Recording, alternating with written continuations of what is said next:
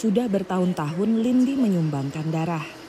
I have the ability to do it because I know not everybody can. Um, I know there's sort shortages, and then um, there have been like cases of cancer in my family before.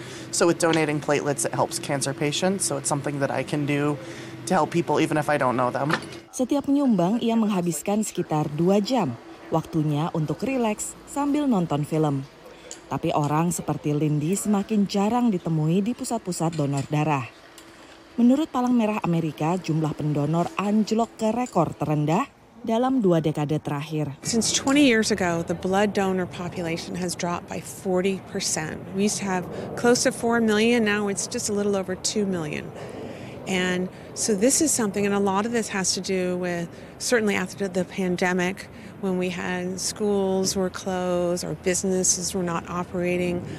Menurut Palang Merah Amerika, curah salju dan hujan yang tinggi, ditambah tornado di beberapa kawasan Amerika, sering menyebabkan calon penyumbang membatalkan janji. Penyakit musiman seperti flu dan kembalinya COVID memperparah situasi. Right now, the most urgent need is for platelets as well as type O blood, positive or negative. But really, any type blood is needed right now so that we can increase the, the overall blood supply. Di AS, siapa pun yang 18 tahun ke atas dengan berat tubuh di atas 50 kg bisa mendonor sekali setiap 56 hari. Seperti Din yang rajin menyumbang darah tiap dua bulan. I've been donating platelets for about 10 years. Uh, I'm lucky that I have very good health, and I feel like it's a simple way to give back to those that are less fortunate. Pendonor darah di AS tidak mendapatkan bayaran, walau menipisnya stok darah telah mencapai level kritis.